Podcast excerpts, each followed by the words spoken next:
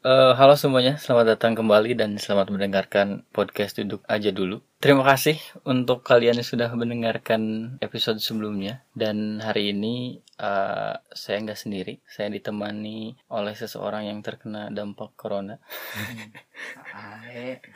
Saya ditemani oleh Dani Ramdhani dan Dani ini eh, saudara saya. Eh, dia sebenarnya bentar lagi mau ujian nasional bulan April Mei bulan April tadinya tadinya. Tadinya. karena ada coronavirus jadi terpaksa diliburin. Apa kabar Dan? Alhamdulillah sehat. Luar biasa bung.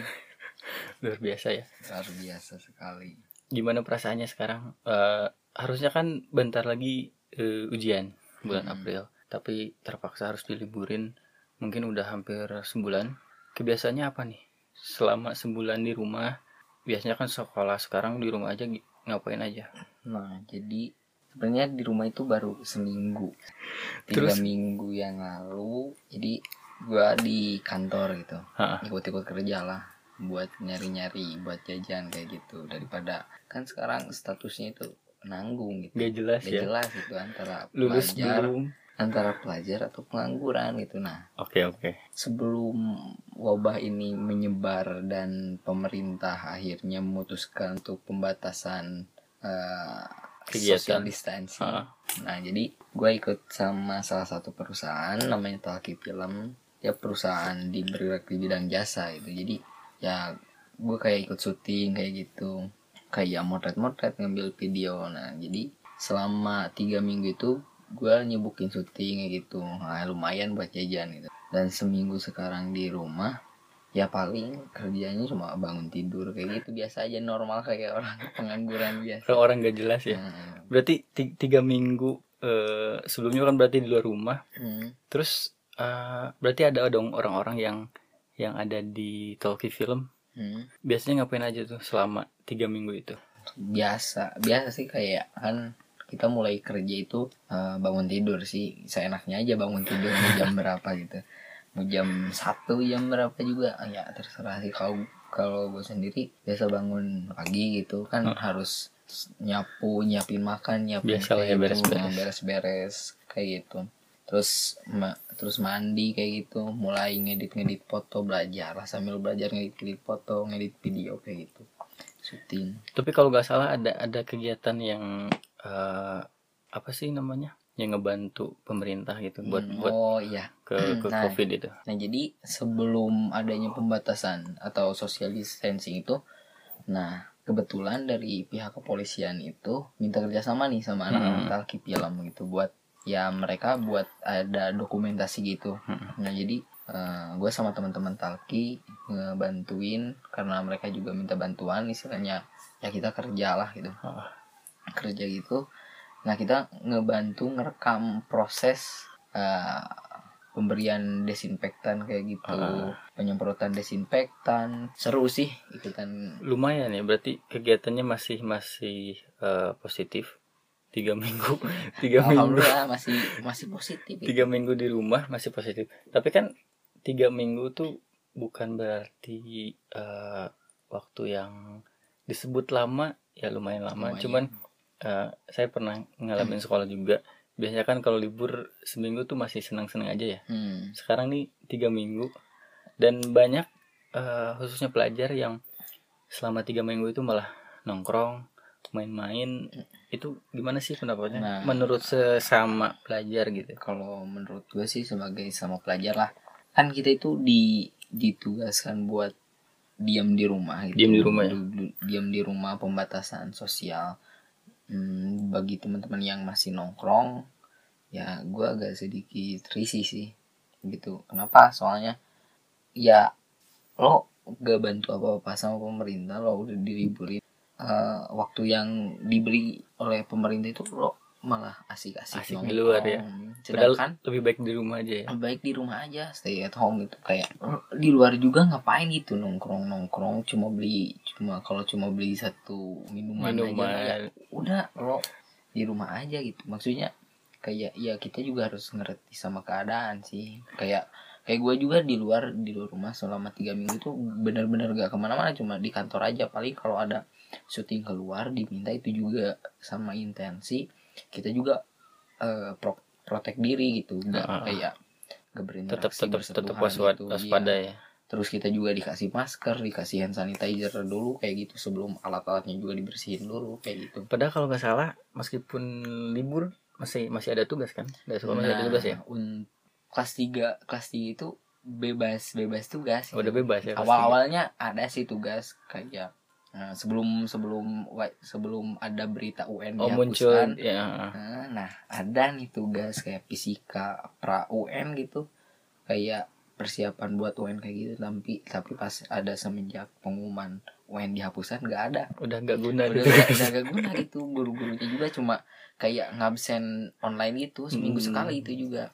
Kayak gitu kayak gimana kabarnya hari ini? Sehat Eh, nanya-nanya kabar lah ya. alhamdulillah dan sehat. Udah gitu basa basi lah ya basa basi ada topiknya aja. Padahal sebenarnya untuk kelas 3 khususnya udah nggak ada materi ya semenjak Udah ada, ada materi. semenjak ada apa sih pemberitahuan dari Pemberitahuan. menteri bahwa UN eh, Yang dihapuskan. untuk tahun ini. Nah terus kemarin juga sempat sempat was was ya. Kalau UN di, Hapuskan. di dihapuskan apakah US juga dihapuskan? Nah, gue juga menanti nanti dan akhirnya pemerintah juga menyepakati bahwa tidak ada tidak ada US juga.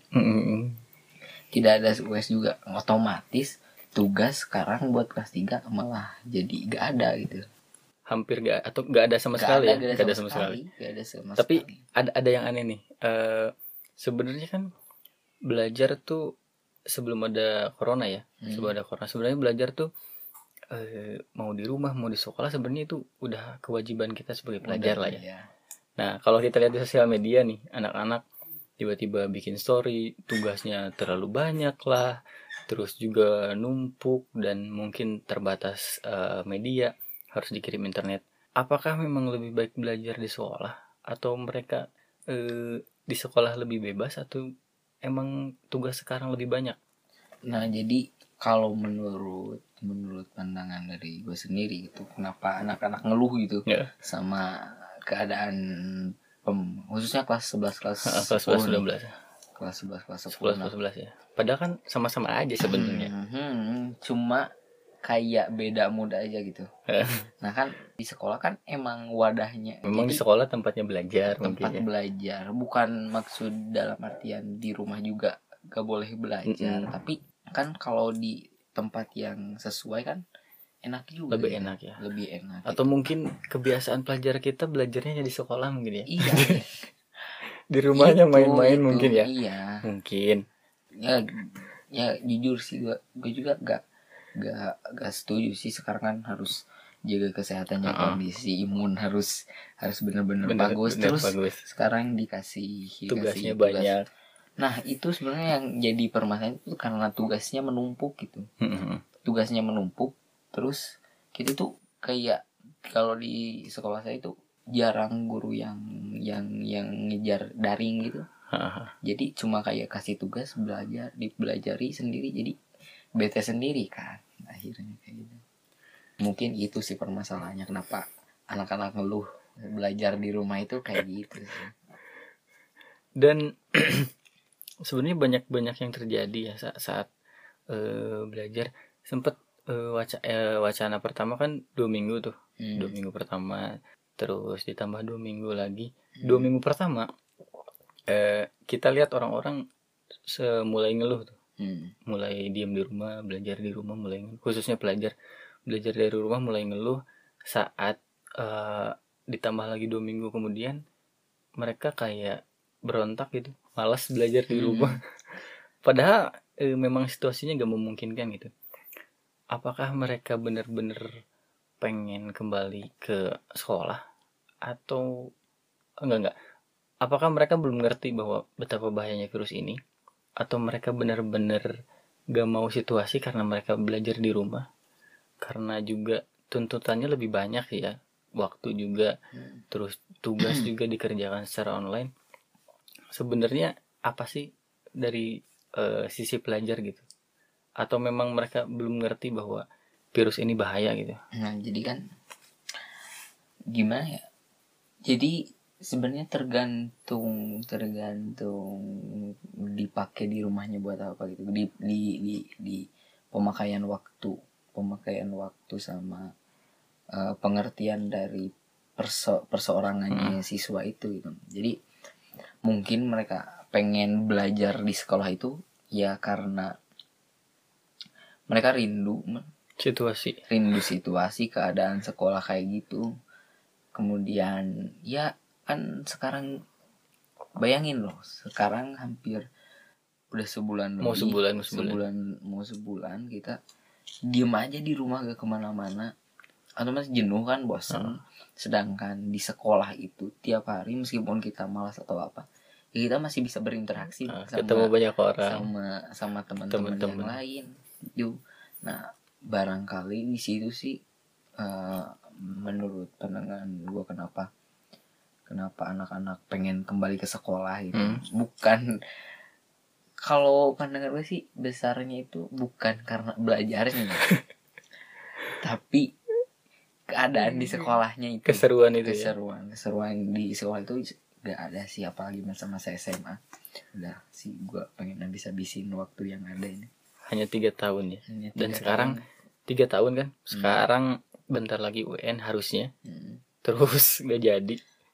Itu itu semacam kayak tiga tahun kemarin uh, belajar, belajar mati-matian terus belajar mati-matian terus tinggal beberapa bulan lagi UN dihapuskan. Gimana tuh perasaannya?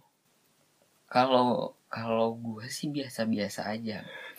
Sebenarnya yang kena dampak dampak mengecewakan ini tuh bukan dari siswa-siswa yang biasa belajar itu. Uh, tapi yang biasa belajar tambahan. Oh iya, iya. kayak bimbang. Privat ya. Uh, benar benar. kayak gitu belajar di luar sekolah belajar lagi. di luar sekolah. Mahal coy. Mahal dong. Sekarang berapa paling murah? Berapa juta sih? 15 juta. 15 paling juta ya? murah. Per semester ya? Per iya per semester gitu. Bayangin dari kelas 1 ikut bimbel sampai kelas 3 ternyata autoin ruang guru aja. Ruang guru aja yang 500 ribu satu juta. masih ada voucher. Juga masih ada voucher sayang anjir itu. Wah oh iya gimana ya perasaannya ya yang les les nah, gitu ya? nah terus menarik. Menarik untuk dibahas. Sebenarnya perasaan perasaan yang sungguh mengecewakan itu dari buat mereka ya. yang buat mereka. terus ditambah mengecewakannya apa lagi? UTBK ya UTBK itu kan ujian ujian ke ada SBN PTN gitu kan. uh, buat nah, masuk nama, perguruan tinggi buat, ya. buat masuk perguruan tinggi hmm. nama ujian itu UTBK mereka belajar bimbel itu plus UTBK -nya. tujuannya buat masuk kampus. Hmm. uh, UTBK, buat kuliah. UTBK gitu. Nah kan dulu ada sosum saintek kayak gitu. Hmm. UTBK sekarang apa? Langsung PTS gak ada saintek gak ada sosum jadi ya pem materinya itu seputar ya yang dipelajari di sekolah aja gak gak tambah saintek sosum kayak gitu. Langsung otomatis jadi, lah ya. ya jadi gua agak bersyukur sih gak ikut-ikut gak ikut bimbel. Tapi ya nggak ada yang perlu disayangin disesali lah ya. disesali. Orang ilmu ilmu itu nggak nggak berat bawa bawa ke mana-mana lah. berat banget gitu sih. Tapi lumayan loh. Semester 15 juta coba kan mereka buang maksudnya bimbelnya kan di luar uh, jam sekolah ya hmm, udah mah belajar belajar udah lagi. belajar belajar lagi ada yang sampai malam hmm. terus tiba-tiba uh, eh, UN-nya gak ada, US gak ada, US gak ada, dan masuk perguruan tinggi pun uh, sekarang dianggapnya levelnya sama lah, sama dengan dengan semua level tes gitu lah, dianggapnya seperti itu. Jadi sangat menarik sekali sekarang dunia Lumayan pendidikan ya. Indonesia itu. Lumayan ya. Saya setuju sama Panadi Makarim. Kenapa tuh? Ya, dia sangat mendukung itu kebijakan Bapak Presiden harus di rumah aja imun tubuh harus baik uh-uh. beliau itu mendukung dua keputusan dua dua kemauan satu dari bapak presiden satu dari kemenkes kemenkes kan menganjurkan kita untuk tetap menjaga imun kesehatan, kita menjaga imun, ya. kesehatan ya. gitu. Jadi bapak Nadiem Makarim menghilangkan US UN dan UTBK di permuda itu sangat agar imunnya tetap imun. terjaga. Agar dan imunnya dan tetap Pak terjaga. Nadim sebenarnya visioner men. Visioner? Kan tahun depan UN nggak ada. Nggak ada. Terus semesta bilang ngapain nunggu tahun depan gitu? sekarang aja.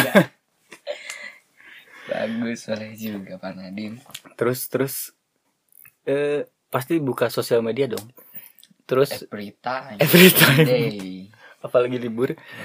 Eh banyak tuh eh meme yang bilang bahwa tahun ini siswa lulus ijazahnya karena corona. Oh, terus juga bakal banyak yang hilang kayaknya ya. Kelulusan bakal hilang perpisahan juga bakal hilang. Kayaknya tiga tahun lulus gitu aja nih gimana tuh? Nah. Atau nggak apa-apa lah ya? Atau gimana? Ya, justru sih sebenarnya gue atau ngirit ngirit duit sih sebenarnya. Justru sayang di duit men. Oh sayang di duit. Yang di duit itu kan kita ke sekolah itu udah bayar gitu. Hmm, bener-bener udah bayar kan. Tambah lagi kelas 3 iurannya SPP-nya naik gitu. Ah, terus sekarang? 50 udah sebulan bayar tetap dong? Nggak nggak tahu. Belum ada berarti belum ada sampai ke sana juga ya? Belum belum ada belum ada pemberitahuan dari sekolahnya gitu. Terus sekarang masalah seremoni sih. Ah, gimana tuh? Gua- kan biasanya seremoni perpisahan sih. lumayan ditunggu tuh. Justru gua tunggu-tunggu sih. Itu momen-momen terakhir. Berkesan ya. Momen-momen selain berkesan. selain kelulusan tuh perpisahan coy. Perpisahan itu momen-momen yang menurut gua pasti sangat berkesan sih. Karena karena cewek yang gak cantik jadi cantik. Ya. jadi Perpisahan. cantik jadi cantik. Kita gak tahu kan tahunya kita pakai seragam Ah, main juga kan beda ya, biasa beda cuma beda. Nah di sini momen-momen tapi ya mau gimana lagi gitu Ah. mau menyesali juga ya. Bukan sesuatu yang harus disesali juga ya. disesali itu ya. Emang ini kayak dunia punya kebijakan sendiri Ah. Tuhan juga punya kebijakannya sendiri dong. Pastinya. Pastinya. Kalau masih percaya suku Tuhan.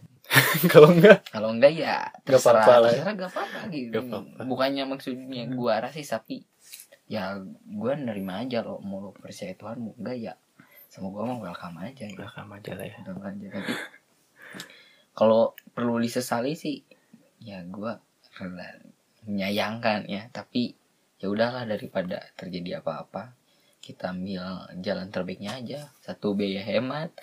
Dua ya positif thinking aja. Kenapa harus negatif thinking kan? Ya udah jalani aja yang udah ada gitu. Dan sebenarnya banyak di rumah buat sekarang tuh bisa kita lebih banyak belajar lagi ya.